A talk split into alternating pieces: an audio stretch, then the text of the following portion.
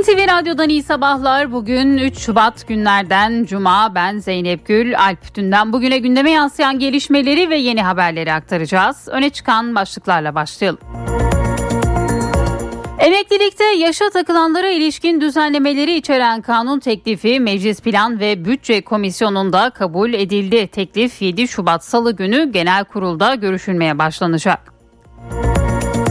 Amerika'nın Türkiye'ye yaptığı güvenlik uyarısının ardından bazı yabancı misyonlar başkonsolosluklarını kapattı. Konsolosluklarını kapatan ülkelerin büyükelçilik temsilcileri Dışişleri Bakanlığı'na çağrıldı.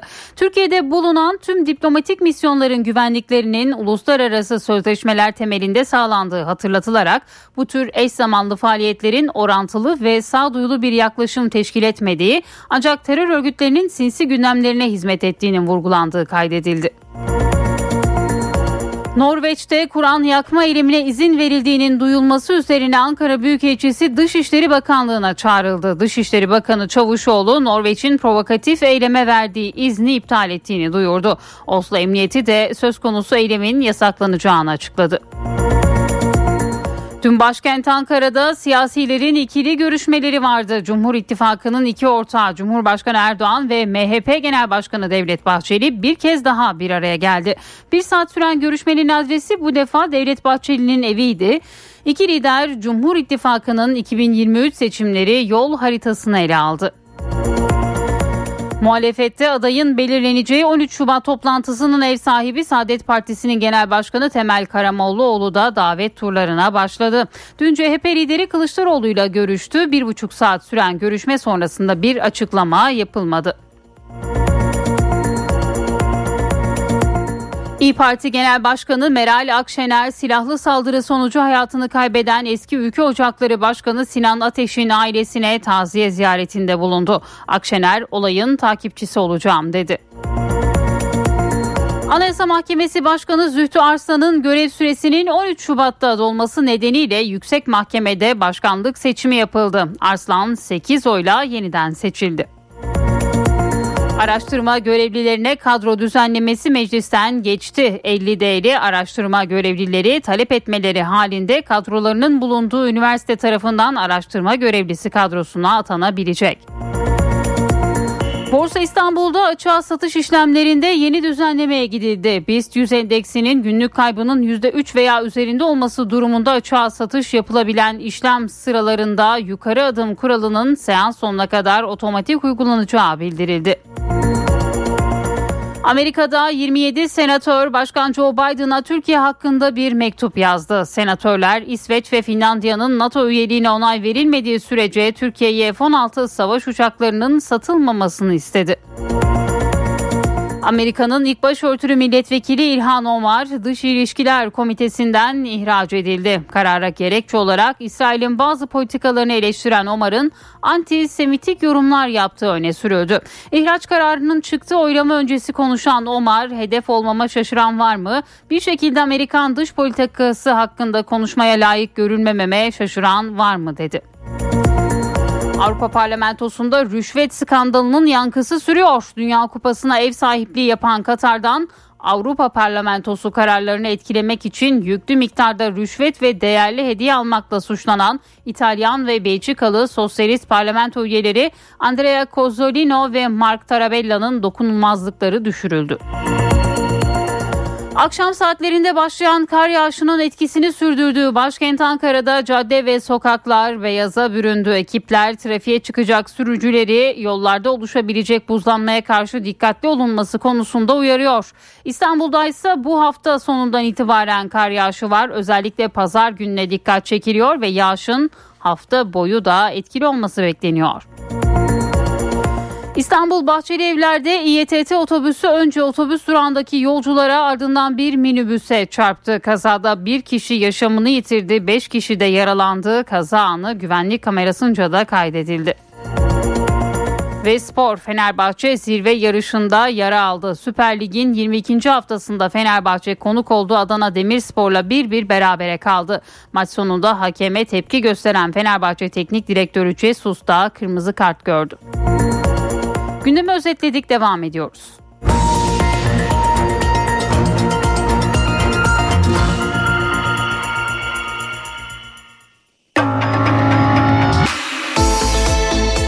İşe giderken gazetelerin gündemi.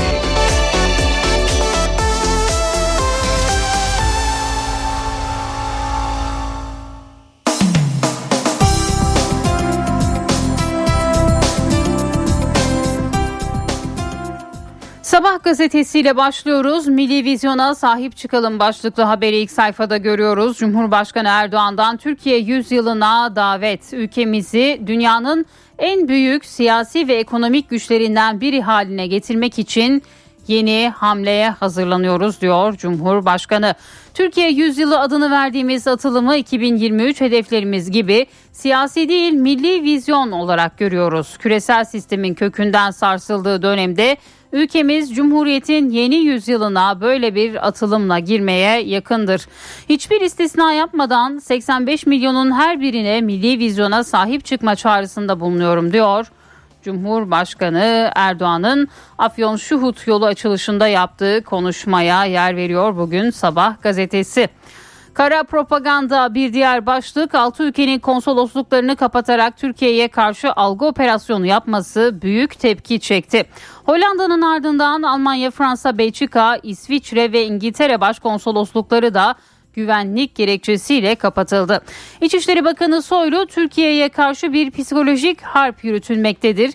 Tepkisini gösterdi. 9 ülkenin büyükelçilikleri de Dışişleri Bakanlığı'na çağrılarak sert bir şekilde uyarıldı.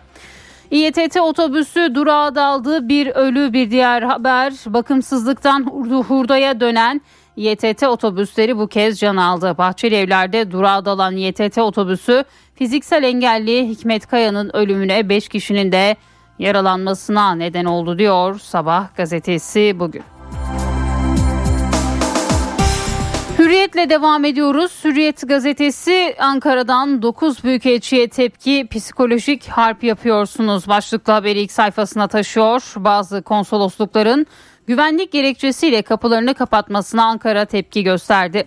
9 büyükelçi dış işlerine çağrıldı. Soylu psikolojik harp yapıldığını söyledi diyor. Bugün Hürriyet gazetesi Sabah gazetesinde olduğu gibi.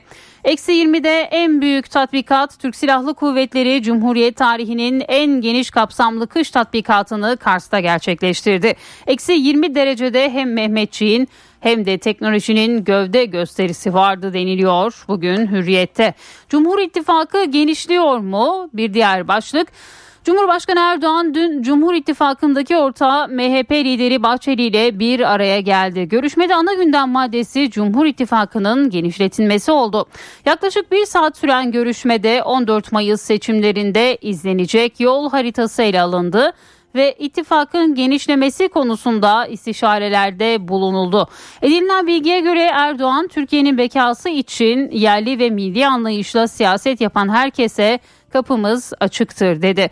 Başörtüsü anayasa değişikliği de ele alındı deniliyor bugün Hürriyet gazetesinin ilk sayfasında. Milliyetle devam edelim. Saygıya davet manşetiyle çıkıyor Milliyet bugün. Avrupa'da Müslümanlara yönelik provokasyonu en şiddetli dille kınayan cemaat liderleri nefret suçu karşısında birleşti. Türkiye Haham başı Rav İshak Haleva İsveç'teki Türk Büyükelçiliği önünde Kur'an-ı Kerim yakan Rasmus Paludan'i ve ona izin verenleri şiddetle kınıyoruz. Bu bir nefret suçu ve dini terör eylemidir diyor. Süryani Kadim Cemaati Ruhani lideri Yusuf Çetin bu ve buna benzer olayların tekrarlanmaması ve dünya barışı, huzuru ve esenliği için daima dua ediyoruz. Bu gibi eylemlere izin verilmesi ne demokrasi ne de özgürlük adına kabul edilemez deniliyor bugün Milliyet gazetesinde. Bir diğer başlık tercihimiz masadan aday çıkması. CHP lideri Kılıçdaroğlu Sol Parti Başkanlar Kurulu üyeleriyle toplantısında 13 Şubat'ta aday belirlesek bile o gün açıklamayız. Geçiş sürecinin yol haritası üzerinde çalışıyoruz. Onu da 13 Şubat'ta açıklayacağız. Cumhurbaşkanlığı seçiminin ilk turda biteceğine inanıyorum. Adayın masadan çıkması tercihimizdir. Çünkü bir yıldır konuşuyoruz. Birbirimizi anladık dedi. Bir diğer haber telefon faturasına itiraz edilebilecek. Telefon ve internet faturalarına yönelik gelen şikayetlerin oranı toplam faturaların %1'ini aşarsa BTK şirketlere ceza kesebilecek. Vatandaşlar telefon ve internet faturalarında yer alan tarife hizmet indirim kampanya vergiler gibi ücretlerin tümü hakkında şikayette bulunabilecek deniliyor bugün Milliyet'te. Yeni Şafak gazetesi 100 bin yetenekle şampiyon havuzu manşetini atıyor bugün. Olimpiyat hazırlık merkezleri tarafından takip edilip yetiştirilen sporculardan örnekler veren Kasapoğlu, Gebze'de buz hokeyi ile ilgili bir çalışma yaptık. Orada seçtiğimiz 38 çocuktan 36'sı sporu hiç bırakmadı. O çocuklar şu an U15 milli takımının altyapısını oluşturuyor diyor ve bakanın sözleri bugün Yeni Şafak gazetesinde yer buluyor. Adım adım hedefe bir diğer başlık Cumhurbaşkanı Erdoğan canlı bağlantıyla katıldığı Afyon Şuhut yolu açılış töreninde adım adım 30 bin kilometre bölünmüş yol hedefine ilerlediklerini söyledi. İhracatta Ocak rekoru Ticaret Bakanı Mehmet Muş 2023 Ocak ayı ihracatının geçen yıla kıyasla %10,4 artışla rekor kırarak 19,4 milyar dolara ulaştığını açıkladı diyor Yeni Şafak gazetesi bugün. Posta gazetesinin manşetinde kabustan uyandı başlığını görüyoruz. 19 yaşındaki genç kızın hayatı 5000 kadında bir görülen bir hastalık nedeniyle kabusa döndü. Rahmi ve doğum yolu olmayan genç kızı eşi sen erkeksin beni kandırdın deyip terk etti. Boşanma davasında mahkemenin cinsiyet tespiti için hastaneye gönderdiği genç kız ameliyatla adeta yeniden doğdu deniliyor bugün postanın manşetinde. AYM'de yeniden Arslan dönemi Anayasa Mahkemesi Başkanı Zühtü Arslan'ın görev süresinin 13 Şubat'ta dolması nedeniyle dün başkanlık seçimi yapıldı. E, Zühtü Arslan 8 oy alarak 3. kez başkan seçildi. Arslan AYM başkanlığına ilk kez 10 Şubat 2015'te seçilmiş. 4 yıl görev yaptıktan sonra 25 Ocak 2019'daki seçimde salt çoğunlukla ikinci kez başkanlık koltuğuna oturmuştu deniliyor bugün Posta gazetesinde. Cumhuriyet gazetesi açlık ortada manşetini atıyor. Ekonomik kriz tırmanıyor. Yurttaş yoksulluğun dibine vurdu. Vatandaşlar pula e, maaşlar pula döndü. Çarşı pazar yanıyor. Buna karşın Cumhurbaşkanı Erdoğan yine ben ekonomistim netice ortada ben buna inanıyorum diyerek iktidarında uyguladığı ekonomi politikalarını savundu. Uzmanlar ekonomi inançla değil bilimle yönetilir dedi. Bu başlıkta Cumhuriyet'in manşetiydi. İmamoğlu cenk ediyoruz bir diğer başlık. Seçilip koltuğa oturmadan iktidarın engellemeleriyle karşı karşıya kalan İBB Başkanı İmamoğlu soruşturmaların sayısını kaçırdım. 4 yıldır her gün cenk ediyoruz. Yargı iktidar silahına dönüştü. Bilek güreşinin bitmesine az kaldı ifadelerini kullandı diyor Cumhuriyet gazetesi. Bir başlığı da aktaralım. AFAD yardıma muhtaç AFAD can kaybının yaşanmadığı Düzce'de 23 Ekim 2022'de meydana gelen 5.9 büyüklüğündeki deprem sonrası rapor hazırladı. Kurum içine yönelik hazırlanan raporda eksikler tek tek sıralandı. Bazı personelin iki gün sonra bölgeye ulaşabildiği yazıldı deniliyor. Yine Cumhuriyet gazetesinde. Şimdi bir ara vereceğiz. Birazdan haberlerin ayrıntılarını aktaracağız.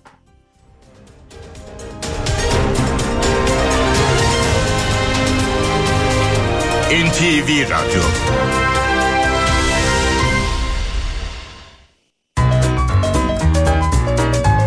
Köşedeki Kitapçı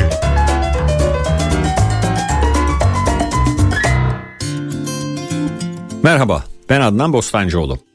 Modern öykünün kurucu ustalarından Anton Çehov'un Duello isimli novellası Türkiye İş Bankası Kültür Yayınlarından Barış Zeren çevirisiyle çıktı. Tiyatro yazınında da bugün birer klasik olan eserler veren 1860 doğumlu Çehov, Rus edebiyatında gerçekçilikten modernizme geçişi temsil eder. Çehov lisede Yunan ve Latin klasiklerini temel alan bir eğitim gördü. Zengin hayal gücü bu eğitimle birlikte onu yazarlığa taşıdı. İlk hikayelerini Moskova'da tıp fakültesinde okurken yazdı. 1884'te 24 yaşındayken Alaca Karanlıkta isimli öykü kitabıyla Pushkin ödülünü kazandı.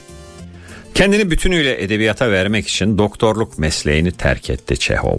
Almanya'nın Baden-Weiler şehrinde verem tedavisi görürken 1904 yılında ölen Çehov'un önemli oyunlar arasında evlenme teklifi, Martı, Vanya'dayı, Üç Kız Kardeş ve Vişne Bahçesi sayılabilir. Çehov'un bugün sözüne ettiğimiz Düello isimli uzun öyküsü İnsan doğasının karmaşıklığını ustalıkla anlatır. Yazar, insanın zaaflarına, başkalarını bağışlama ve kendini değiştirip geliştirme yetisine işaret ettiği bu öyküsüne mekan olarak Kafkasya'yı Karadeniz kıyısındaki küçük bir kenti seçmiştir. Eğitimli Rus aristokrat Laevski evli bir kadınla yaşamaktadır ve birlikte kaçıp geldikleri bu kentte devlet memuru olmuştur. Ancak zamanla kadından soğumuş, ilişkiyi sonlandırmanın yollarını aramaktadır. Laevski'nin sorumsuzluğu, fazla içki içmesi, hesabını bilmeden para harcaması ve kendisine bağımlı olan bir kadından kurtulmaya çalışması, sosyal darwinci zoolog von Koren'de tiksinti uyandırmaktadır. Olaylara sadece bilimin çerçevesinden bakabilen von Koren'in gözünde Laevski gibiler insanlığa ve uygarlığa yönelik bir tehdittir ve dünya böyle insanlardan arındırılırsa çok daha yaşanılası bir yer haline gelecektir. İkili arasında giderek büyüyen bir askeri doktorla bir diyakozun da dahil olup tanıklık ettikleri etik tartışma ve fikir savaşı ansızın fiziksel şiddet içeren bir meydan okumaya evrilir. Düelloda Çehov kafasını kurcalayan felsefi, toplumsal ve bilimsel soruları son derece parlak diyaloglarla tartışmaya açıyor. Psikolojik tahliller, canlı karakterler, doğa tasvirleriyle düello, Çehov'un edebi dehasının en güzel ürünlerinden. Herkese iyi okumalar, hoşçakalın. Köşedeki Kitapçı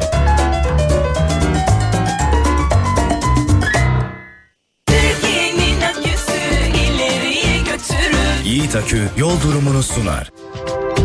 Karayolları Genel Müdürlüğü duyurdu. Beyşehir Seydişehir yolunun 10, 11 ve 22, 25. kilometrelerinde ve Bingöl Genç yolunun 0-43. kilometrelerinde yol bakım ve onarım çalışmaları yapılıyor. Çalışmalar sebebiyle ulaşım kontrollü olarak sağlanıyor. Bu nedenle sürücüler dikkatli seyretmeli. Yiğit Akü yol durumunu sundu. Daha sürdürülebilir bir çatı ve daha iyi bir dünya için Bras Çatı Sistemleri sunar. Doğa konuşmaları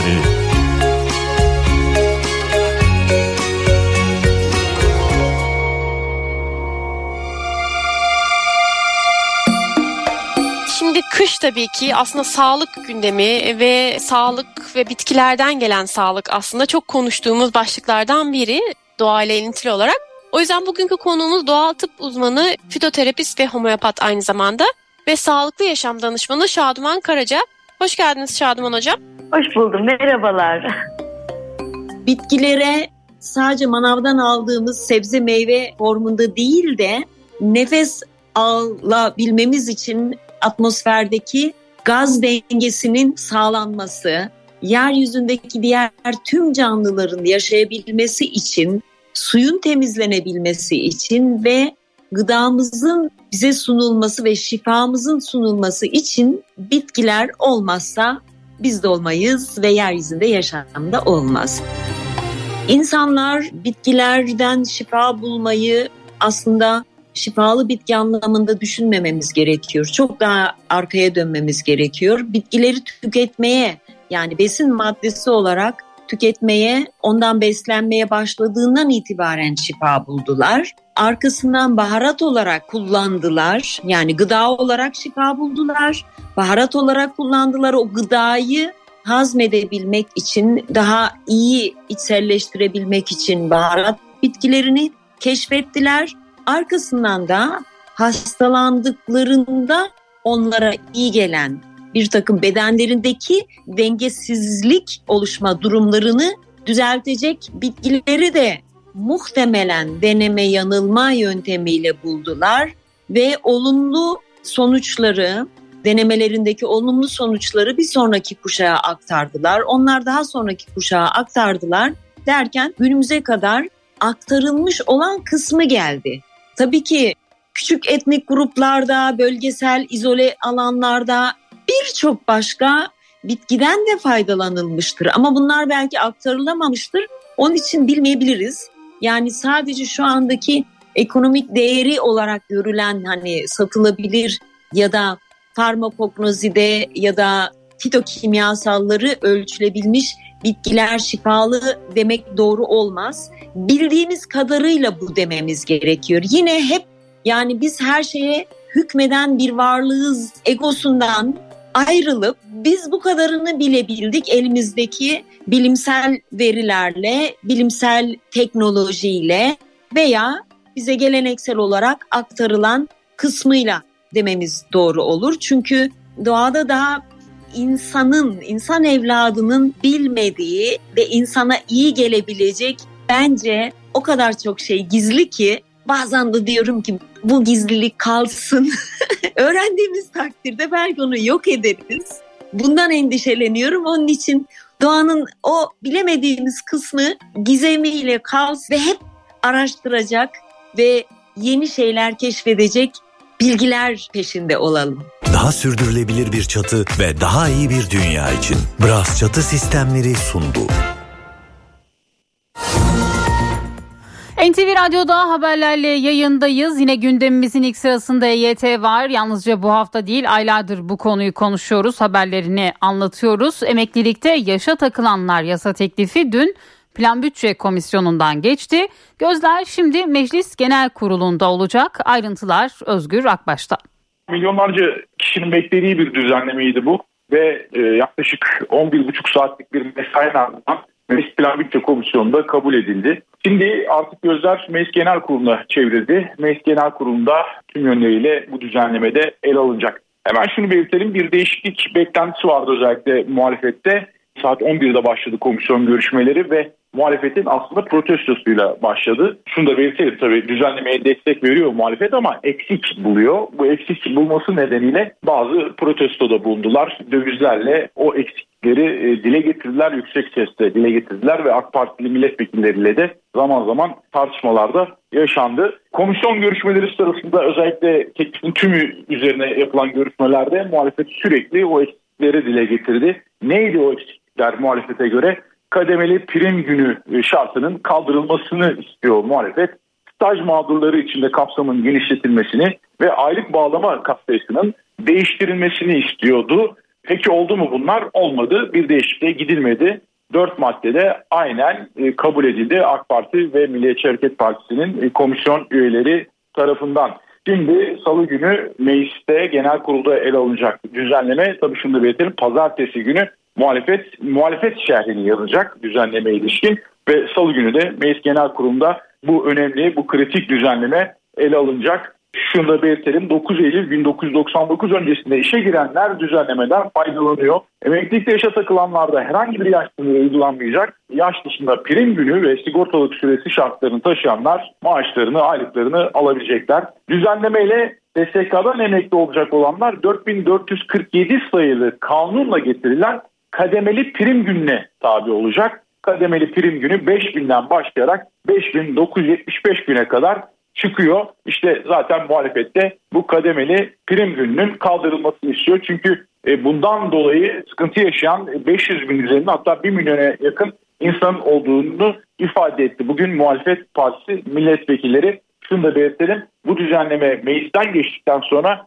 2 milyon 250 bin kişi emekli olmak için hak kazanacak. Kadınlar için 20 yıl, erkekler için 25 yıl hizmet şartı geçerli oluyor bu düzenlemeyle ve düzenlemenin hazineye maliyet etkisi de bugün ortaya kondu Plan Bütçe Komisyonu'nda. Buna göre 2023 yılı için EYT'lilerin bütçeye maliyeti 194.4 milyar TL e, olacak. EYT'lilerin kıdem tazminatına ilişkin kredi garanti fonundan destek verileceğini de hatırlatalım e, toplamda 4.8 milyon çalışanı etkileyen düzenlemeye göre 2023 yılında 2 milyon 250 bin kişinin emekli olacağını bir kez daha vurgulayalım. Emeklilik başvuruları E-Devlet üzerinden veya SGK'ya yapılacak. Bu ne zaman yapılacak? Salı günü Meclis Kurulu'nda düzenleme el alınacak ve aynı gün yasalaşması bekleniyor. Sonrasında Cumhurbaşkanı Recep Tayyip Erdoğan'ın da olacak gözler. Erdoğan'ın onaylaması ve düzenlemenin resmi gazetede yayınlanmasının hemen ardından başvurular yapılabilecek E-Devlet üzerinden veya SGK üzerinden e, bu başvurular yapılabilecek. Şubat ayına ilk maaşlar yetişebilir. Cumhurbaşkanı Recep Tayyip Erdoğan açıklamıştı ama en geç 1 Mart itibariyle emeklilik maaşlarını da alabilecekler. Özgür Akbaş Ankara'dan bildirdi. Amerika'nın Türkiye'ye yaptığı güvenlik uyarısının ardından bazı yabancı misyonlar başkonsolosluklarını kapatmıştı. O 9 ülkenin büyükelçilik e, yetkilileri Dışişleri Bakanlığı'na çağrıldı. Kapatma kararına sert tepki gösterildi. Kapatma kararı Kur'an-ı Kerim'e yönelik provokatif saldırılar sonrasında eylem ihtimali nedeniyle alınmıştı. Norveç'te de benzer bir tahrik eylemi Ankara'nın girişimleriyle engellendi. Ankara, Türkiye'de terör eylemi tehdidi iddiasıyla konsoloslukların çalışmalarına ara veren ülkelere tepkili. 9 ülkenin büyükelçisi Dışişleri Bakanlığı'na çağrılarak bu tepki iletildi. Diplomatik kaynaklardan edinilen bilgiye göre büyükelçilere Türkiye'de bulunan tüm diplomatik misyonların güvenliklerinin uluslararası sözleşmeler temelinde sağlandığı hatırlatıldı. Bu tarz yaklaşımların ancak terör örgütlerinin gündemlerine hizmet ettiği vurgulandı dost ve müttefik ülkelerden beklentinin güvenlik birimleriyle işbirliği olduğu belirtildi. Bir uluslararası operasyonla karşı karşıyayız. Türkiye'de bir DAEŞ saldırısı olabilecek anlayışıyla beraber Türkiye'ye bir psikolojik harp yürütülmektedir. Aralarında Amerika Birleşik Devletleri, İngiltere ve Almanya'nın da bulunduğu 9 ülkenin başkonsolosluklarında çalışmalara ara vermelerinin nedeni İsveç, Danimarka ve Hollanda'da Kur'an-ı Kerim'e hedef alan provokatif eylemlerin ardından kiliselere, sinagoglara ve diplomatik misyonlara misilleme saldırıları yapılabileceği iddiası. Ülkemizdeki bazı büyükelçiliklerin ve başkonsoloslukların ülkemizin güvenlik koşulları hakkında endişe yaymaya dönük açıklamalar yaptıklarını görüyoruz. Bunlar sorumsuz açıklamalardır. Bu sorumsuzluk kabul edilemez. Türkiye güvenli bir ülkedir. Güvenlik güçlerimiz ve istihbarat birimlerimiz işinin başındadır. Ankara iddianın gerçeği yansıtmadığını Dışişleri Bakanlığı'na çağrılan büyükelçilere iletti. İşte İsveç'te, e, işte Hollanda'da ve Danimarka'da olanları gördünüz. Aynısı Norveç'te olacaktı. Bugün Norveç Büyükelçisini de bakanlığımıza çağırdık ve verdikleri izni e, iptal etmişler. Son olarak Norveç'te de Kur'an-ı Kerim'i hedef alacak bir eylem hazırlığı vardı. Bunun üzerine Norveç'in Ankara Büyükelçisi de Dışişleri Bakanlığı'na çağrıldı. Büyükelçiye Norveç'in açıkça nefret suçu niteliğindeki söz konusu provokatif eylemin engellenmemesi yönündeki yaklaşımının kınandığı ve bu tutumun kabul edilemez olduğu iletildi. Bu bir nefret suçudur. Nefret ifade özgürlüğü değildir. O hamlenin ardından Norveç provokatif eyleme verdiği izni iptal etti. Ankara İsveç'e tepkili hatta bu İsveç'in NATO'ya üyelik sürecini de etkiledi. İsveçsiz Finlandiya'nın üyeliğini konuşuyor Ankara. Amerikalı 27 senatör ise Başkan Joe Biden'a İsveç ve Finlandiya'nın NATO üyeliği onaylanmadıkça Türkiye'ye F-16 satışı yapılmamasını içeren bir mektup yolladı. Mektupta İsveç ve Finlandiya'nın NATO üyeliğinin onaylanmamasının Ukrayna-Rusya savaşının devam ettiği kritik bir süreçte NATO'nun birliğini tehdit ettiği iddia edildi. Senatörler İsveç ve Finlandiya'nın üçlü mutabakatının şartlarını yerine getirdiğini savundu. İki ülkenin NATO'ya katılım protokolleri Türkiye tarafından tarafından onaylandıktan sonra kongrenin F-16 savaş uçaklarının satışını değerlendirebileceği öne sürüldü. Aksi halde F-16'larda dahil olmak üzere Türkiye'ye herhangi bir destek verilmemesi çağrısı yapıldı. Seçimler yaklaştıkça siyasilerin görüşmeleri de yoğunlaşıyor. Dün başkentte iki önemli görüşme yapıldı. Cumhur İttifakı'nın iki ortağı Cumhurbaşkanı Erdoğan ve MHP lideri Bahçeli bir kez daha bir araya geldi. Görüşme bir saat sürdü. Peki ne konuşuldu? Serkan Kaya'nın haberi. Cumhur İttifakı'nın iki ortağı 2023'ün ilk görüşmesini gerçekleştirdi. Cumhurbaşkanı Recep Tayyip Erdoğan'la MHP Genel Başkanı Devlet Bahçeli, Bahçeli'nin evinde bir araya geldi. İki lider yaklaşık bir aylık aranın ardından bir kez daha baş başa görüşme gerçekleştiriyor. Masadaki en önemli başlıksa 2023 seçimlerinde Cumhur İttifakı'nın yol haritası olacak. 14 Mayıs'ta yapılacak Cumhurbaşkanlığı ve milletvekilliği seçimleri için geri sayım sürüyor. Cumhur İttifakı'nın genişleme ihtimali de Ankara kulislerinde konuşulanlar arasında. Cumhurbaşkanı Erdoğan, Cumhur İttifakı değerlerine inananlarla yol yürüyebiliriz diyerek ittifakın genişleyebileceği mesajını vermişti. Erdoğan Bahçeli görüşmesinde bu konunun ele alındığı tahmin ediliyor. İki liderin görüşmesi bir saat sürdü. Bahçeli evinin kapısında karşıladığı Cumhurbaşkanını evinin kapısına kadar uğurladı. Cumhurbaşkanı bu görüşme öncesinde ise Afyon Şuhut yolu açılış törenine canlı bağlantıyla katıldı. Cumhurbaşkanı Türkiye yüzyılı vurgusu yaptı. Ülkemizi dünyanın en büyük siyasi ve ekonomik güçlerinden biri haline getirmek için yeni bir hamleye hazırlanıyoruz. Türkiye yüzyılı adını verdiğimiz bu atılımı tıpkı 2023 hedeflerimiz gibi siyasi değil milli bir vizyon olarak görüyoruz. Ülkemiz Cumhuriyetimizin yeni yüzyılına böyle bir atılımla girmeye hiç olmadığı kadar yakındır. Siyaset alanında en merak edilen sorulardan biri de muhalefetin adayının kim olacağı. Bunun için de gözler 13 Şubat'taki toplantıya çevrildi. Çünkü bu toplantıda adayın belirleneceği açıklanmıştı daha önce. O toplantının ev sahipliğini yapacak olan Saadet Partisi'nin lideri Temel Karamollaoğlu da davet turlarına başladı. İlk durak CHP Genel Başkanı Kemal Kılıçdaroğlu'ydu. Millet İttifakı'nın Cumhurbaşkanı adayı kim olacak? Bu sorunun yanıtı için gözler 13 Şubat'ta Saadet Partisi ev sahipliğinde yapılacak altılı masa toplantısında. Toplantının ev sahipliğini yapacak Saadet Partisi Genel Başkanı Temel Karamollaoğlu, adayın belirlenmesinin beklendiği o toplantı öncesinde davet turlarına devam ediyor.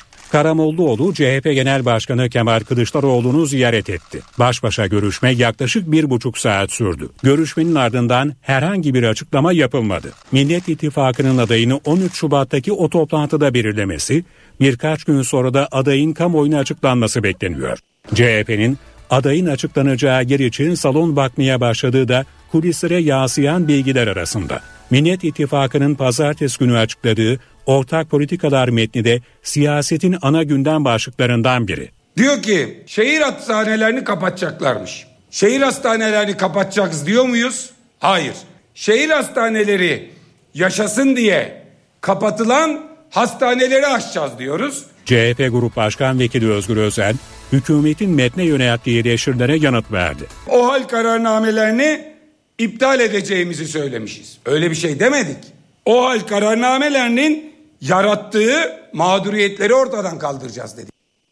İyi Parti Genel Başkanı Meral Akşener silahlı saldırı sonucu hayatını kaybeden eski Ülke Ocakları Genel Başkanı Sinan Ateş'in ailesini ziyaret etti.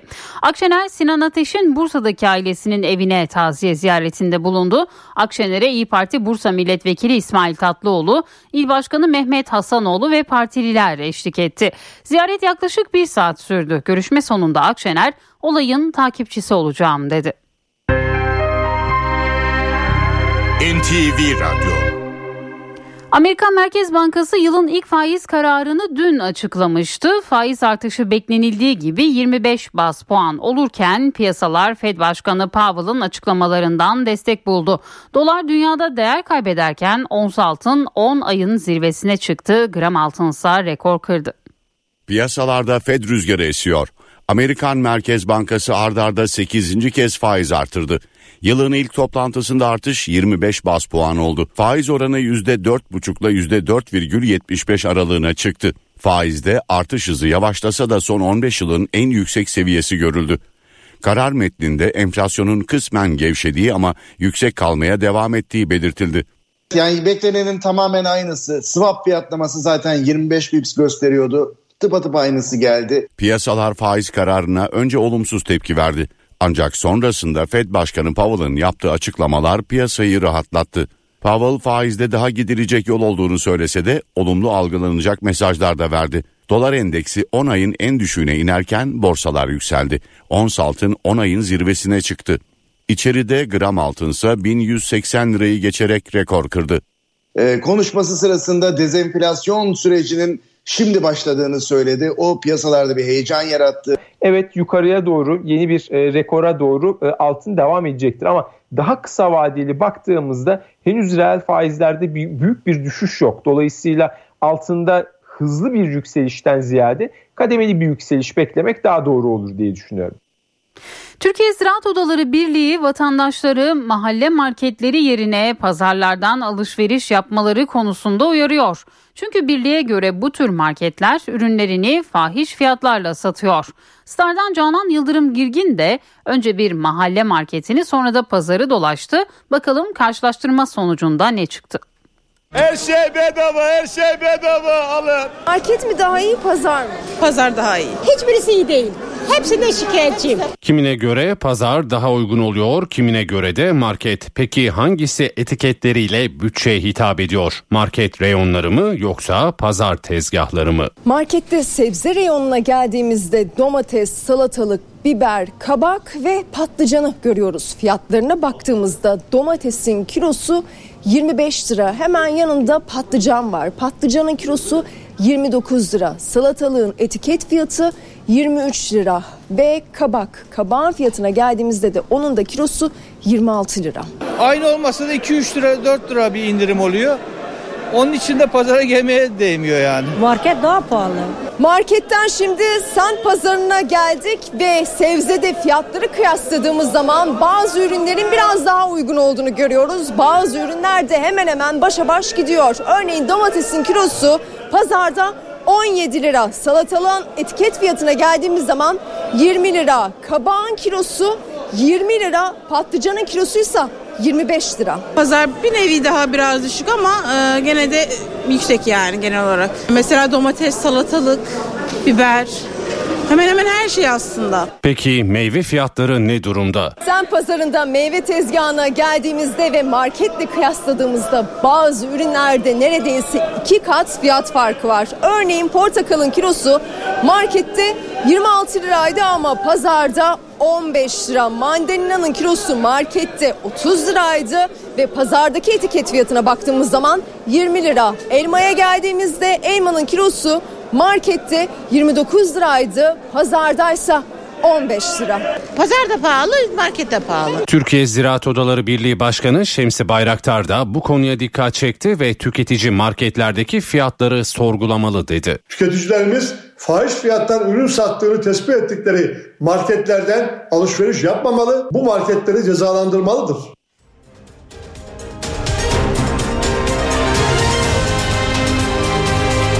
NTV Radyo HDI Sigorta İstanbul'un yol durumunu sunar.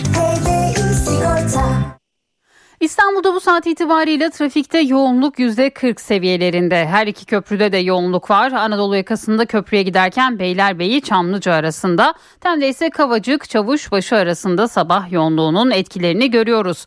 D100'de Göztepe Bostancı arası yoğun. Avrasya Tüneli çift taraflı açık. Avrupa yakasına gelindiğinde E5'te Avcılar Küçükçekmece'de bir yoğunluk gözleniyor. Temde Altınşehir Halkalı yönünde bir araç yangını var. Tek şerit kapalı. Karşı yönde ise Bahçeşehir Firuz Köy arasında sabah trafiği var. HDI Sigorta İstanbul'un yol durumunu sundu. NTV Radyo Üstün Alman teknolojisiyle üretilen Düfa Boya spor haberlerini sunar.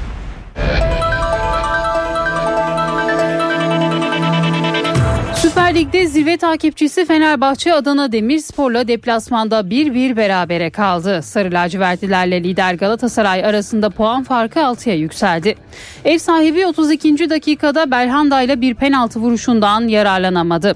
Devre 0-0 tamamlandı. Demirspor 83. dakikada Şerif Endiayi'nin attığı penaltı golüyle öne geçti. Fenerbahçe bu gole 88. dakikada Ener Valencia ile karşılık verdi. Ekvadorlu futbolcu Süper Lig'deki 20. golünü attı. Mücadele 1-1 eşitlikle sonuçlanırken Fenerbahçe Teknik Direktörü Cesus maçın ardından hakem Ali Palabı'ya yaptığı itiraz sebebiyle kırmızı kart gördü. Spor Toto Süper Lig'de 22. hafta tamamlandığı sonuçlar şöyle. Alanya Spor 0, Demir Grup Sivas Spor 3, Fatih Karagümrük 1, Beşiktaş 1, Kasımpaşa 5, Giresunspor 1, Gaziantep 4, Hatay Spor 1, Trabzonspor 2, Antalya Spor 0, Galatasaray 3, Ümraniye Spor 2, Konya Spor 0, İstanbul Spor 1, Kayseri Spor 1, Başakşehir 0, Adana Demirspor 1, Fenerbahçe 1, Ankara Gücü 22. haftayı bay geçti. Beşiktaş Fabio Borini için görüşmelerine devam ediyor. Siyah beyazlılar İtalyan kanat oyuncusu için Fatih Karagümrük'le anlaşmaya çalışıyor. Transferin gerçekleşmesi halinde yabancı oyuncu sayısı 15'e yükselecek. Fatih Karagümrük Beşiktaş'tan Enkudu'yu istedi. Sözleşmesi sezon sonunda tamamlanacak Kamerunlu oyuncu Suudi Arabistan veya Katar'a transferde olabilir. Ezeli rakiplerin Onur Bulut yarışı sürüyor. Fenerbahçe ve Beşiktaş milli futbolcuyu kadrolarına katmaya çalışıyor. Ezeli rakipler Kayseri Spor'un sağ bekini istiyor. Kulüpler arasındaki görüşmeler sürüyor. Onur Bulut'un sözleşmesi sezon sonunda sona erecek. Anlaşma sağlanması halinde 28 yaşındaki futbolcu Mayıs ayını beklemeyecek. Kış transfer dönemi 8 Şubat'ta sona erecek. Euroleague'de Fenerbahçe Beko galibiyet özlemine son vermeye çalışacak. Anadolu Efes ise seri arıyor. Fenerbahçe Beko çift maç haftasının ikinci karşılaşmasında Alba Berlin'i konuk edecek. Ülker Spor ve Etkinlik Salonu'nda oynanacak maç saat 20.45'te başlayacak. Anadolu Efes iki maçlık galibiyet özlemine çarşamba günü Zalgiris karşısında son vermişti. Lacivert Beyazlılar bugün saat 22'de lider Olympiakos'a konuk olacak. Dayanıklı, kolay sürülen, kapatıcılığı yüksek Düfa Boya spor haberlerini sundu. NTV Radyo'da yeni saati karşılıyoruz. Bu saate kadar gündemde hangi başlıkların öne çıktığına bakalım. Emeklilikte yaşa takılanlara ilişkin düzenlemeleri içeren kanun teklifi Meclis Plan ve Bütçe Komisyonu'nda kabul edildi. Teklif 7 Şubat Salı günü genel kurulda görüşülmeye başlanacak.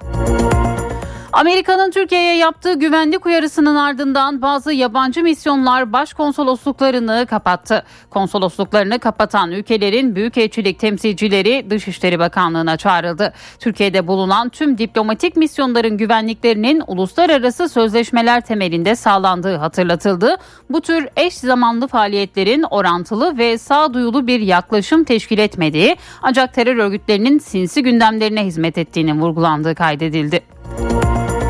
Norveç'te Kur'an yakma eylemine izin verildiğinin duyulması üzerine Ankara Büyükelçisi Dışişleri Bakanlığı'na davet edildi. Dışişleri Bakanı Çavuşoğlu, Norveç'in provokatif eyleme verdiği izni iptal ettiğini duyurdu. Oslo emniyeti de söz konusu eylemin yasaklanacağını açıkladı. Dün başkent Ankara'da siyasilerin ikili görüşmeleri vardı. Cumhur İttifakı'nın iki ortağı Cumhurbaşkanı Erdoğan ve MHP Genel Başkanı Devlet Bahçeli bir kez daha bir araya geldi. Bir saat süren görüşmenin adresi bu defa Devlet Bahçeli'nin eviydi. İki lider Cumhur İttifakı'nın 2023 seçimleri yol haritasını ele aldı. Muhalefette adayın belirleneceği 13 Şubat toplantısının ev sahibi Saadet Partisi'nin Genel Başkanı Temel Karamollaoğlu davet turlarına çıktı. Dün CHP lideri Kemal Kılıçdaroğlu ile görüştü. Bir buçuk saat süren görüşme sonrasında bir açıklama yapılmadı. İyi Parti Genel Başkanı Meral Akşener silahlı saldırı sonucu hayatını kaybeden eski Ülke Ocakları Başkanı Sinan Ateş'in ailesine taziye ziyaretinde bulundu. Akşener olayın takipçisi olacağım dedi.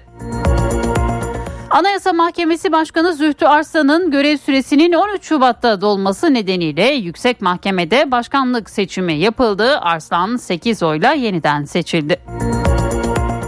Araştırma görevlilerine kadro düzenlemesi meclisten geçti. 50 deli araştırma görevlileri talep etmeleri halinde kadrolarının bulunduğu üniversite tarafından araştırma görevlisi kadrosuna atanabilecek. Borsa İstanbul'da açığa satış işlemlerinde yeni düzenlemeye gidildi. BIST 100 endeksinin günlük kaybının %3 veya üzerinde olması durumunda açığa satış yapabilen işlem sıralarında yukarı adım kuralının seans sonuna kadar otomatik uygulanacağı bildirildi. Amerika'da 27 senatör Başkan Joe Biden'a Türkiye hakkında bir mektup yazdı. Senatörler İsveç ve Finlandiya'nın NATO üyeliğine onay verilmediği sürece Türkiye'ye F-16 savaş uçaklarının satılmamasını istedi. Amerika'nın ilk başörtülü milletvekili İlhan Omar Dış İlişkiler Komitesi'nden ihraç edildi. Karara gerekçe olarak İsrail'in bazı politikalarını eleştiren Omar'ın antisemitik yorumlar yaptığı öne sürüldü. İhraç kararının çıktığı oylama öncesi konuşan Omar, hedef olmama şaşıran var mı? Bir şekilde Amerikan dış politikası hakkında konuşmaya layık görülmememe şaşıran var mı dedi. Avrupa Parlamentosu'nda rüşvet skandalının yankısı sürüyor. Dünya Kupası'na ev sahipliği yapan Katar'dan Avrupa Parlamentosu kararlarını etkilemek için yüklü miktarlarda rüşvet ve değerli eşya almakla suçlanan İtalyan ve Belçikalı sosyalist parlamento üyeleri Andrea Cozzolino ve Mark Tarabella'nın dokunulmazlıkları düşürüldü. Akşam saatlerinde başlayan kar yağışının etkisini sürdürdüğü başkent Ankara'da cadde ve sokaklar beyaza büründü. Ekipler trafiğe çıkacak sürücüleri yollarda oluşabilecek buzlanmaya karşı dikkatli olunması konusunda uyarıyor. İstanbul'da ise bu hafta sonundan itibaren kar yağışı var. Özellikle pazar gününe dikkat çekiliyor ve yağışın hafta boyu etkili olması bekleniyor. İstanbul Bahçeli Evler'de İETT otobüsü önce otobüs durağındaki yolculara ardından bir minibüse çarptı. Kazada bir kişi yaşamını yitirdi, beş kişi de yaralandı. Ve spor Fenerbahçe zirve yarışında yara aldı. Süper Lig'in 22. haftasında Fenerbahçe konuk olduğu Adana Demirspor'la 1-1 berabere kaldı. Maç sonunda hakeme tepki gösteren Fenerbahçe Teknik Direktörü Cesus da kırmızı kart gördü. Bu sabahın öne çıkan başlıkları böyleydi devam edelim. İşe giderken gazetelerin gündemi.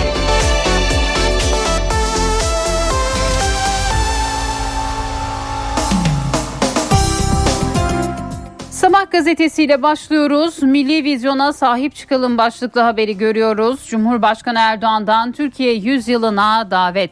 Ülkemizi dünyanın en büyük siyasi ve ekonomik güçlerinden biri haline getirmek için yeni hamleye hazırlanıyoruz. Türkiye 100 yılı adını verdiğimiz atılımı 2023 hedeflerimiz gibi siyasi değil, milli vizyon olarak görüyoruz. Küresel sistemin kökünden sarsıldığı dönemde ülkemiz Cumhuriyet'in yeni yüzyılına böyle bir adımla girmeye yakındır.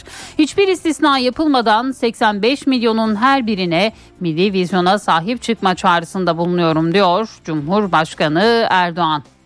Kara propaganda bir diğer başlık. Altı ülkenin konsolosluklarını kapatarak Türkiye'ye karşı algı operasyonu yapması büyük tepki çekti. Hollanda'nın ardından Almanya, Fransa, Belçika, İsviçre ve İngiltere başkonsoloslukları da güvenlik gerekçesiyle kapatıldı. İçişleri Bakanı Soylu Türkiye'ye karşı bir psikolojik harp yürütülmektedir tepkisini gösterdi.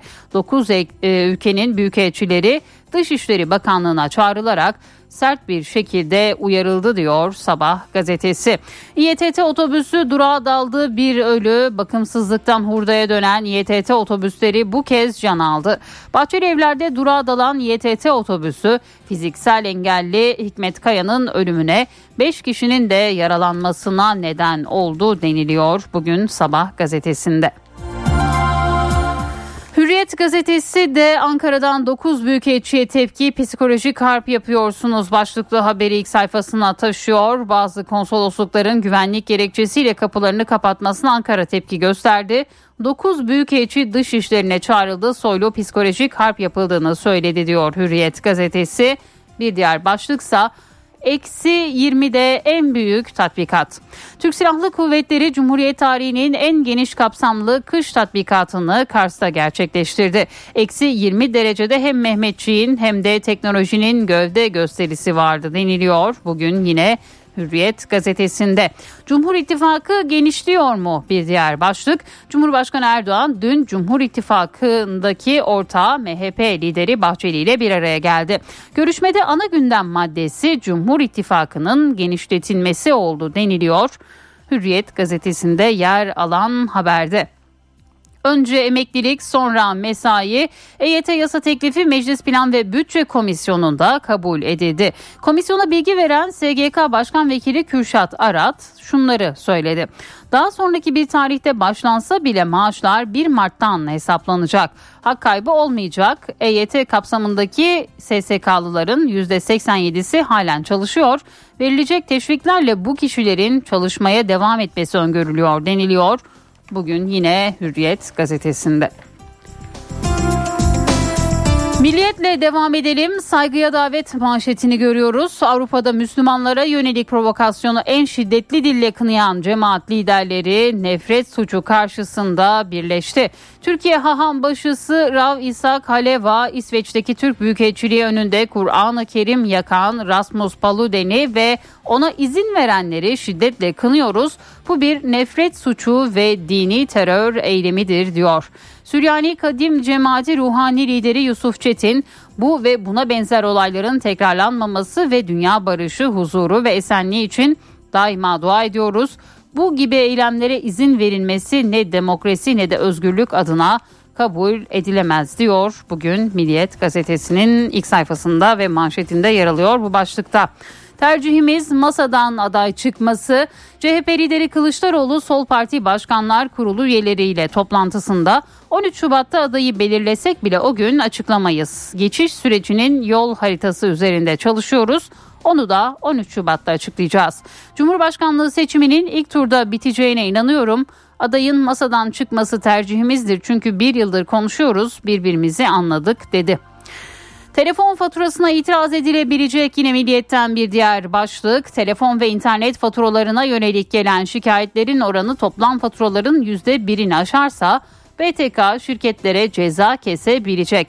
Vatandaşlar telefon ve internet faturalarında yer alan tarife, hizmet, indirim, kampanya, vergiler gibi ücretlerin tüm hakkında şikayette bulunabilecek diyor Milliyet.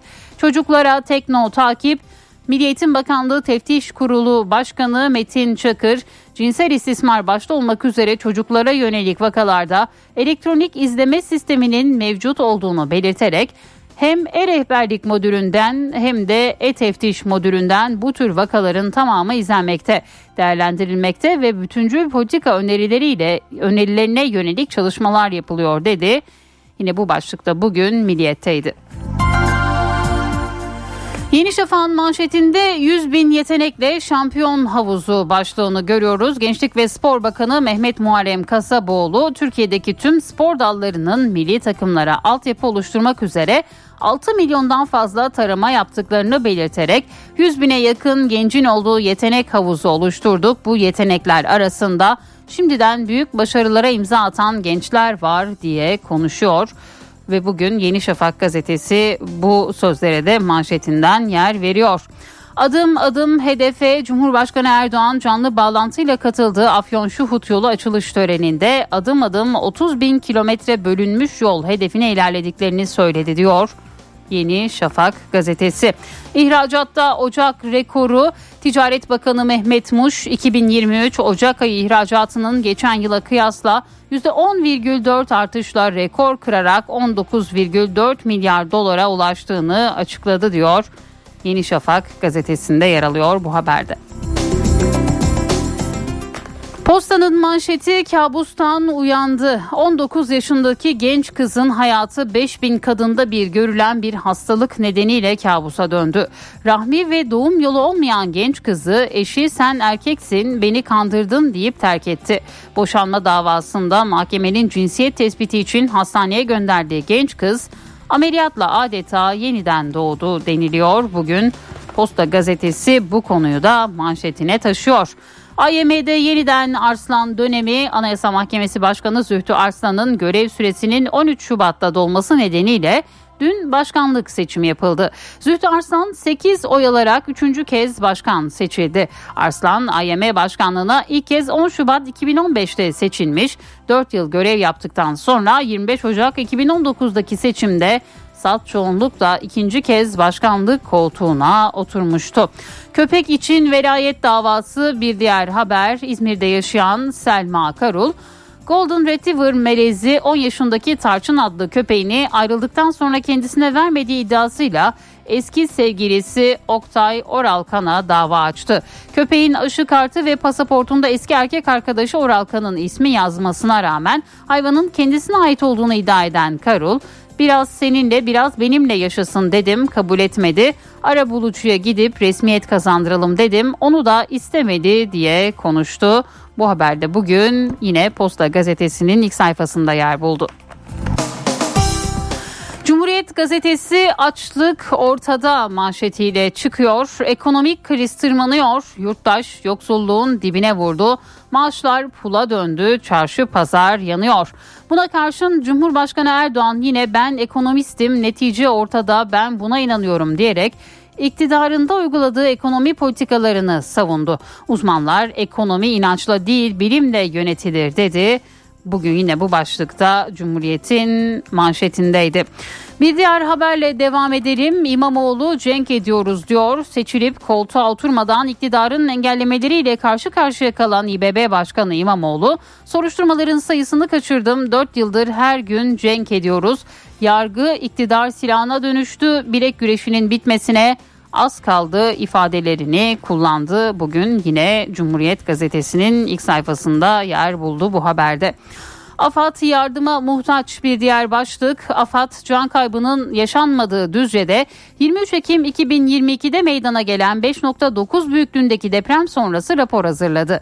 Kurum içine yönelik hazırlanan raporda eksikler tek tek sıralandı. Bazı personelin iki gün sonra bölgeye ulaşabildiği yazıldı. Yine bu başlıkta Cumhuriyet'in ilk sayfasındaydı. Akustik taş yünü asma tavan sistemleri Tromer sunar. Profesör Murat Ferman'la evdeki hesap. Günaydın Sayın Ferman, mikrofon sizde. Zeynep Gül Hanım günaydın. İyi bir gün, iyi yayınlar diliyorum. Fed'in faiz kararından sonra Avrupa Merkez Bankası da beklenen kararını açıkladı. Paralel bir şekilde faiz artırımına devam eden banka üçlü yaklaşımda ki Avrupa Merkez Bankası'nın 3 ayrı faiz oranı var. E, piyasayı ilgilendiren faiz oranında %50'lik bir artış sağladı. Gecelik mevduat oranını %2,5, gecelik borç verme oranını %3,25 ve politika faizini de %3 seviyesine yükselten bankanın başkanı Bayan Lagarde aslında bu işe devam edeceklerini ve hatta çok açık ve net bir ifadeyle Mart ayında da 50 bipslik bir artışı öngördüklerini gidişata bundan sonra bakarak sıkı duruşlarını sürdüreceklerine referans verdi. Ve elbette yüzde iki hedefini de tekrarladı.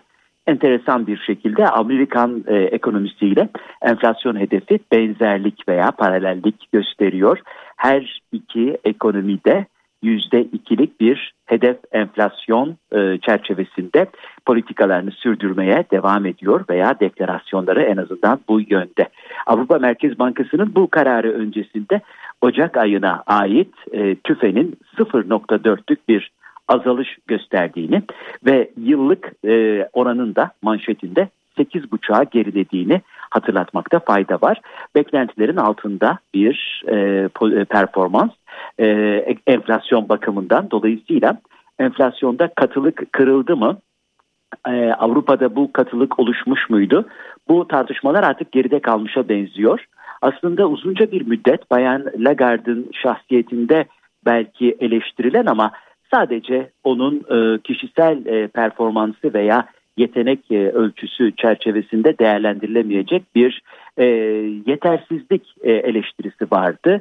Avrupa Birliği'nin özellikle mali politikalar bakımından sıkıntılı olduğu, enflasyona karşı yeteri kadar çabuk ve sert reaksiyon veremediğine dair eleştiriler bulunmaktaydı. Haftalar evvel e, Bayan Lagarde birdenbire daha şahin bir söylemi e, benimseyerek ve dersine daha iyi çalışmış olarak kamuoyunun önüne çıkmaya başladı ve bu e, akış da e, gerçekleşti. Anlaşılıyor ki Avrupa Merkez Bankası da yılın ilk yarısında en azından e, Amerikan Merkez Bankası rolünü oynayan FED'e benzer bir şekilde kusura bakmayın e, şahin duruşunu sürdürecek. Tabii e, Avrupa Birliği'nin başka problemleri var. Şimdi e, 9-10 e, Şubat'ta 8'inde hazırlık çalışmaları başlıyor ama 9-10 Şubat'ta Brüksel'de bir toplantı var, bir zirve var. Bir finansal zirve. Avrupa Birliği'nin önemli bir başka sorunu var. Geçtiğimiz Ağustos ayında Amerika Birleşik Devletleri'nin kabul ettiği enflasyonla mücadele yasal düzenlemesi çerçevesinde özellikle yeşil enerji ve temiz enerji yatırımlarını çekecek çok geniş bir teşvik paketi de e, gündeme getirilmişti bu e, etkisini birdenbire göstermeye başladı. Özellikle Avrupa Birliği'nin bu konudaki e, muhafazakar tutumu, teşviklerin dağıtılması konusundaki farklı yaklaşımları çerçevesinde birçok Avrupa e, şirketi, Avrupalı şirket Amerika Birleşik Devletleri'ne yatırımlarını kaydırmaya başladı. Bu adeta e, Avrupa Birliği'ni alarma geçirdi. Şimdi önümüzdeki hafta toplantıda bu konu da konuşulacak çünkü e, yeşil yatırım, temiz enerji gibi alanlarla sınırlı kalmamak kaydıyla yatırım Amerika Birleşik Devletleri'ne kayıyor. Avrupa Birliği'nde yeni tartışmalar var. Hatta bazıları diyorlar ki Avrupa Birliği'nin mali politikalarını yeniden gözden geçirme zamanıdır. Evet Avrupa Birliği kurucu babaların fikir ve önerilerinin çok dışında bir kulvarda ilerlemeye devam ediyor. Ama Avrupa Birliği'nin temelinde kendi deyimleriyle rasyonalizm yatar. Dolayısıyla rasyonel yaklaşımın e, zaman içerisinde Avrupa Birliği'nde de hakim olması gerekiyor ama dünya Avrupa Birliği'nin tekrar rasyonalist kökenlerine dönmesini bekleyecek kadar sabırlı değil. Dünya dönmeye devam ediyor. Dolayısıyla bu yüksek tempoda sadece Avrupa Birliği değil aralarında ülkemizin de bulunduğu tüm e, ekonomik değerler, tüm ekonomik e, zenginlikler bu değişime ayak uydurmaya çalışıyor. Değişime ayak uydurmak konusu e, gündeme geldiğinde herhalde reaktif değil proaktif olmakta da fayda var. Bu genel değerlendirme ve bilgi paylaşımı çerçevesinde değerli dinleyenlerimize katma değeri yüksek ve yüksek katma değerli bir gün ve esenliklerle dolu bir hafta sonu diliyor. Huzurlarınızdan hürmetlerle ayrılıyorum. Profesör Murat Ferman'la evdeki hesap. Yangın yalıtımlı taş yünü asma taban sistemleri Tromer sundu. Dünya markası Bras çatı sistemleri finans bültenini sunar. Borsa İstanbul Yüz Endeksi 4752 seviyelerinde dolar 18.81 euro 20.50'den işlem görüyor. Euro dolar paritesi 1.08. Altın onzu 1915 dolar. Kapalı çarşıda gram altın 1158, çeyrek altın 1914 liradan satılıyor. Brent petrolün varil fiyatı ise 81 dolar. Dünya markası Bras çatı sistemleri finans bültenini sundu. Renklerin ötesinde, hayatın her köşesinde Sandeko Boya hava durumunu sunar. Eşsiz boya, eşsiz mekanlar. Sandeko. Soğuk ve yağışlı hava bugün de yurt genelinde etkili. Marmara'da Balıkesir, Sakarya boyunca sulu kar, yükseklerde de kar etkili oluyor. İstanbul'da sulu kar, yüksek noktalarda da hafif kar yağışı var. Sıcaklık 7 derece.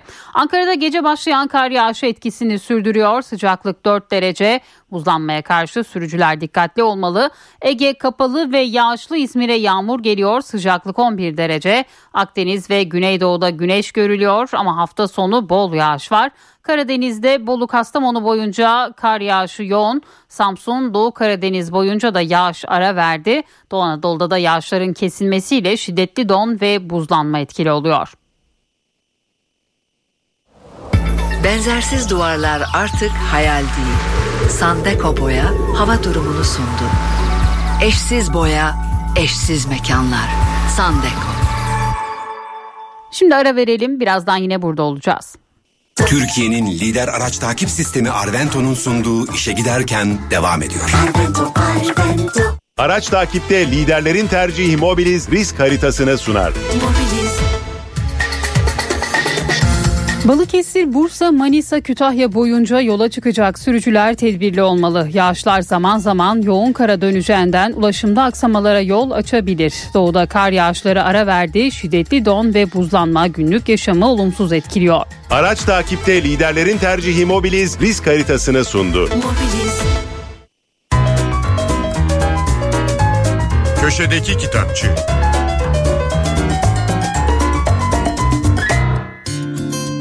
Merhaba, ben Adnan Bostancıoğlu. T.J. Newman'ın heyecan dolu romanı Uçuş 416 Epsilon yayınlarından çıktı. Romanı dilimize Belgin Selen Haktanır çevirmiş. T.J. Newman eski bir uçuş görevlisi. Virgin America ve Alaska Airlines'ta 10 yıl çalışmış. Uçuş 416 onun ilk romanı.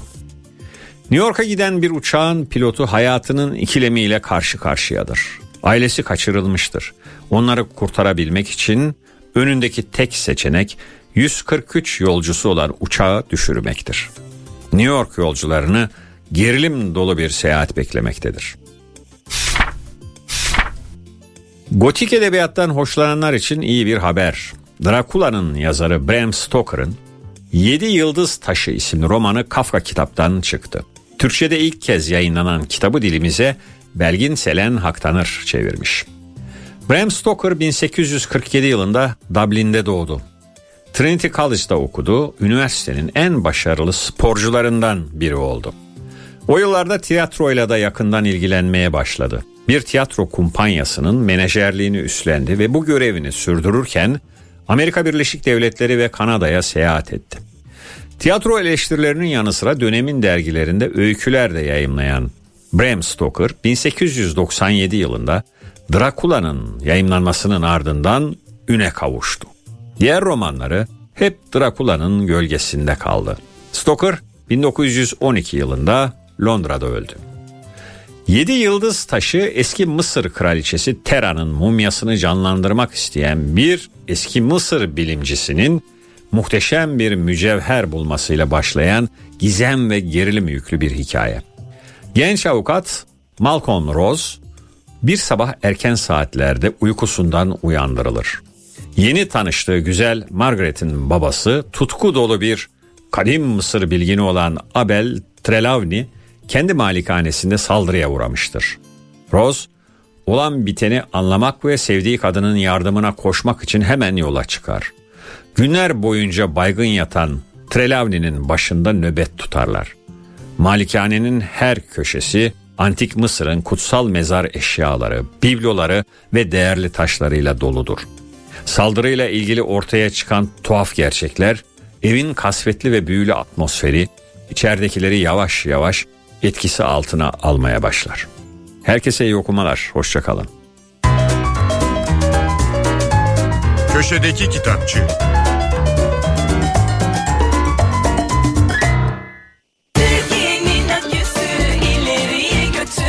Yiğit Akü yol durumunu sunar. Karayolları Genel Müdürlüğü duyurdu. Karabük Eski Pazar yolunun 0-1. kilometresinde ve Trabzon Gümüşhane yolunun 28-31. kilometrelerinde yol bakım ve onarım çalışmaları var. Çalışmalar sebebiyle ulaşım kontrollü olarak sağlanıyor. Bu nedenle sürücüler dikkatli seyretmeli. Yiğit Akü yol durumunu sundu. NTV Radyo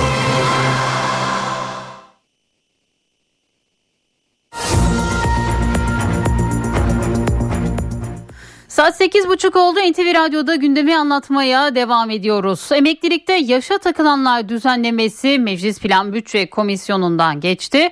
Ama görüşmeler gergindi. Muhalefetin protestosu vardı. O anları anlatarak başlayalım. Yazıklar olsun size. Stajyerlerim, çıraklarım. Tartışmalar eşliğinde başladı. Emeklilikte yaşa takılanlar yasa teklifi Meclis Plan Bütçe Komisyonu'nda kabul edildi.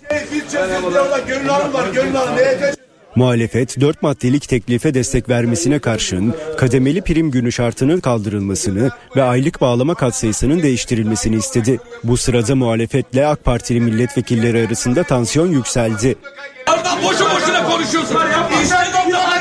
Muhalefetin kademeli prim günü şartı eleştirilerine yanıt veren AK Parti Grup Başkan Vekili Muhammed Emin Akbaşoğlu bu teklifle yeni şart getirildiği yalandır. Kademeli prim şartı bu teklifle getirilmedi dedi. Arkadaşlar müsaade ederseniz birleşimi açacağım. Tartışmaların ardından teklifin görüşmelerine geçildi. Düzenleme ile ilk etapta 2 milyon 250 bin kişi emeklilik hakkı elde edecek. Emekli olacak işçiler kademeli prim gününe tabi olacak. Kademeli prim günü 5000'den başlayarak 5975'e kadar çıkacak. Prim günü eksiği olanlar doğum ve askerlik borçlanmasıyla tamamlayabilecek. Hazine ve Maliye Bakanlığı'nın hazırladığı rapora göre 2023 yılı için EYT'lilerin bütçeye maliyeti 194,4 milyar lira olacak. EYT'liler de normal emekliler gibi bayram ikramiyesi alabilecek. Rapora göre hemen emekli olabilecek 496 bin memur var. Bunların 124 bininin EYT'den faydalanması bekleniyor. 9 Eylül 1999'dan öncesi sigortalı olanların prim gün sayısını ve yılını dolduranların emekli olabilmelerinin önünü açan yasa teklifi TBMM Plan ve Bütçe Komisyonu'nda kabul edildi. Salı günü ise genel kurulda ele alınacak.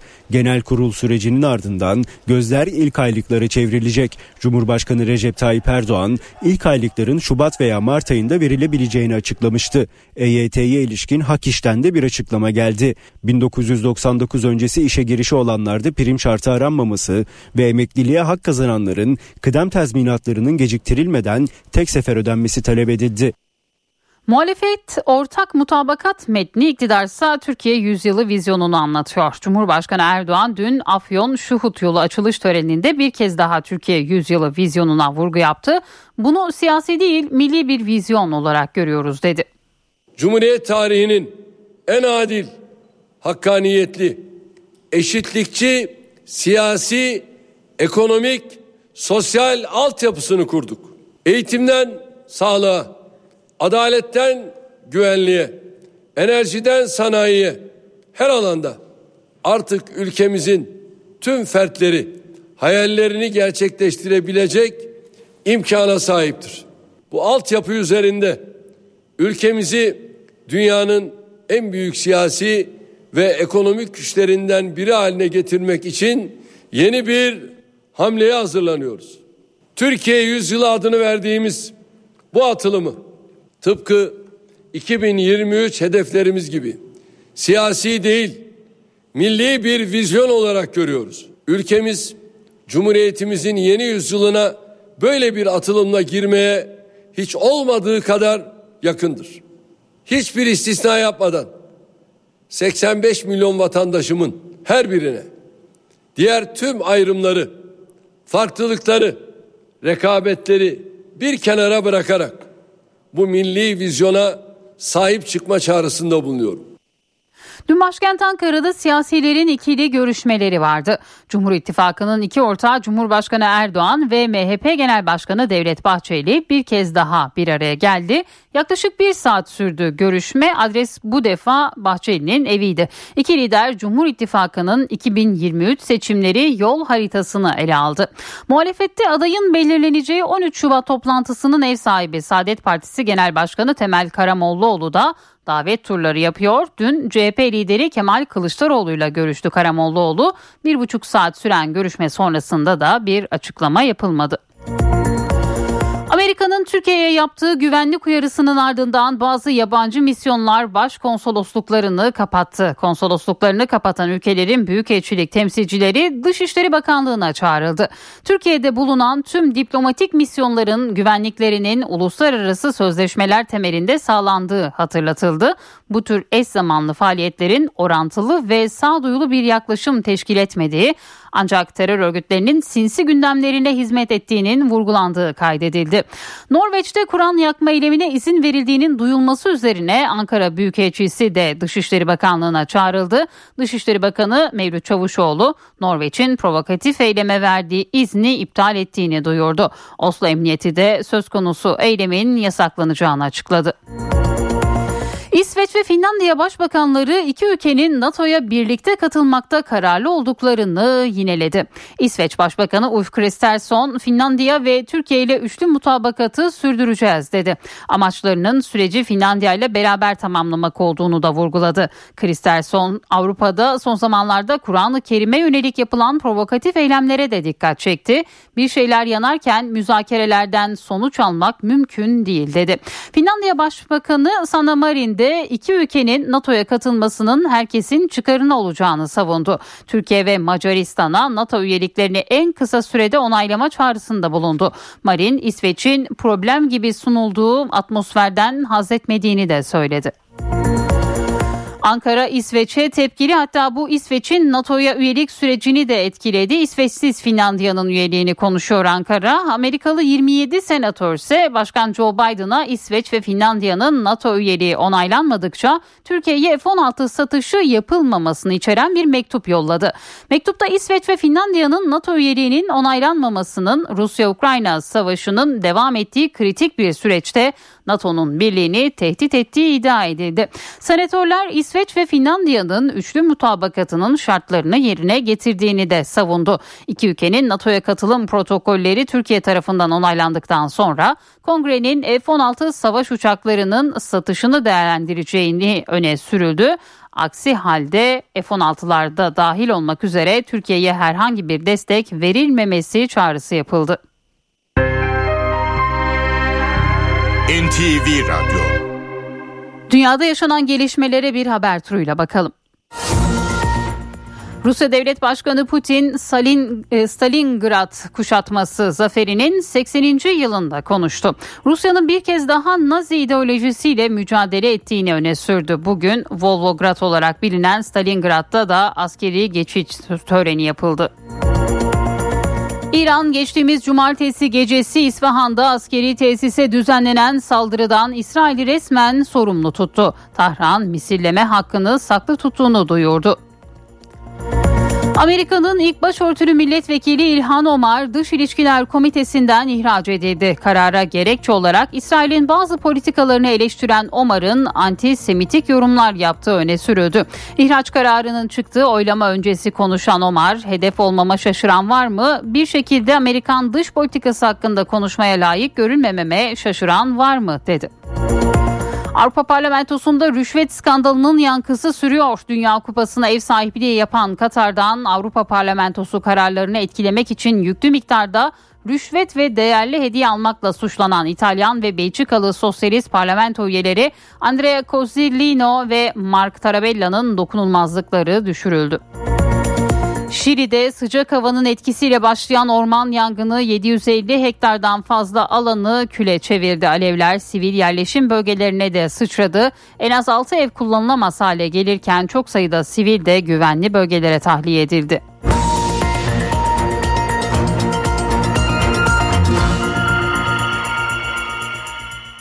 Özel okul ücretlerinde tavan artış oranı %65 olarak belirlendi. Ancak bazı özel okullar yemek, kırtasiye gibi ek hizmetlerde %300'e varan fiyat artışı yaptı. Üstelik bazı özel okullardaki ücret artışı öğretmenlerin maaşına da yansıtılmadı. Bu durum hem öğrencilerin hem de öğretmenlerin özel okullardan ayrılmasına neden oluyor.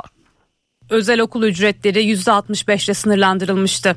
Ancak eğitime ek olarak istenen yemek, ulaşım, kitap ve kıyafet ücretlerine yapılan zamlar velileri zorluyor. Türkiye Özel Okullar Derneği Başkanı Zafer Öztürk'ün açıklamasına göre artan fiyatlar nedeniyle 250 bin öğrenci özel okullarda kayıt yenilemedi. Veliler okul ücretlerinde olduğu gibi ek kalem ücretlerine de sınırlama getirilmesi gerektiği görüşünde. Kaydını yenilemeyip devlet okuluna almak isteyecek veliler de var. Çünkü ek hizmetleri zorunlu tutuyor okullar. Diyor diyor ki ben yemek ödemezsem kaydımı devam ettireceğim. Eğitim ücretini ödeyebilirim sadece.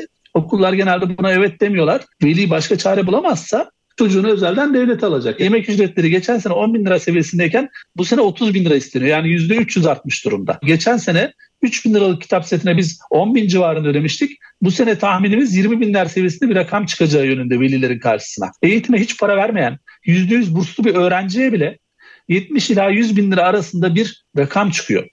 Özel okul ücretleri arttı. Ancak fiyatlardaki yükseliş öğretmenlerin maaşına yansımadı. Bazı özel okullarda öğretmenler asgari ücret alıyor. Bundan 10-15 yıl öncesini düşündüğümüzde okul e, özel okul öğretmenlerinin ücretleri e, devlet e, okulundaki e, öğretmenlerin ücretinden 3 e, kat veya 4 kat fazlaydı birçok okulda asgari ücret seviyesine kadar inmiş durumda. Özel okullardaki öğretmenler de devlet okullarına doğru geçmeye başladılar. 175 bin dolayında özel okullarda öğretmen var.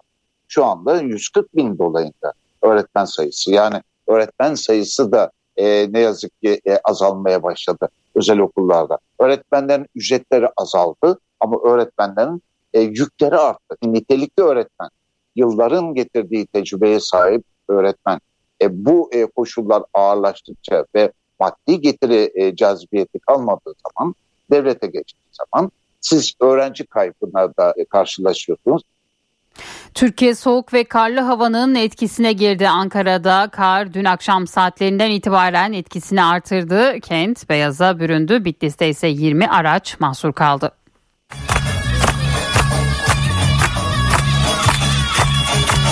Kimi yerde coşkuyla karşılandı. kimi yerde çileye dönüştü. Kar yurdun birçok bölgesinde etkili oluyor. Meteorolojinin uyarılarının ardından başkente beklenen kar geldi. Kar kalınlığı 5 santimetreye ulaştı. Günlerdir bu anı bekleyenler halay çekerek karın keyfini çıkardı. Genç yaşlı çok sayıda kişi evlerinin önünde kartopu oynayıp kaydı.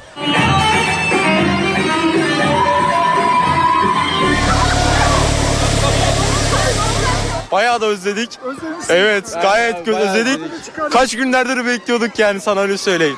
Sürücülerse zaman zaman zor anlar yaşadı. Yolda kalan bir ambulans çevredekiler tarafından kurtarıldı. Bazı sürücülerse karla kaplanan yolda drift yaptı. Kütahya'da da benzer görüntüler vardı. Karın yağdığını görenler soluğu dışarıda aldı. Kartopu oynayarak doyasıya eğlendi. Yani karın biraz geç kalması bizi biraz moralimizi bozmuştu ama sonunda bereket yağdı. Allah'a şükürler olsun. Karın tadını çıkarıyoruz. Bitlis'te ise kar adeta çileye dönüştü. Panor Dağı'nda aniden bastıran tipi ve yoğun kar nedeniyle 20 aracın içindeki 60 kişi mahsur kaldı. Aralarında kadın ve çocukların da olduğu kişilerin yardımına belediye ve karayolları ekipleri yetişti. Uzun uğraşlar sonucu yol açılarak mahsur kalanlar kurtarıldı.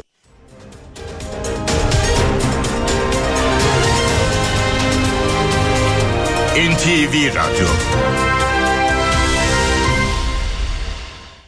HDI Sigorta İstanbul'un yol durumunu sunar.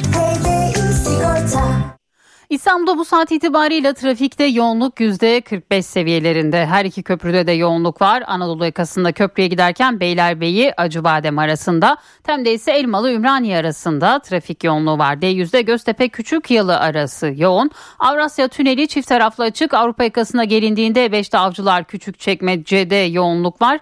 Tem'de Altınşehir Halkalı yönünde bir araç yangını var. Tek şerit kapalı. Karşı yönde ise Bahçeşehir Firuzköy arasında trafik yoğunluğu var.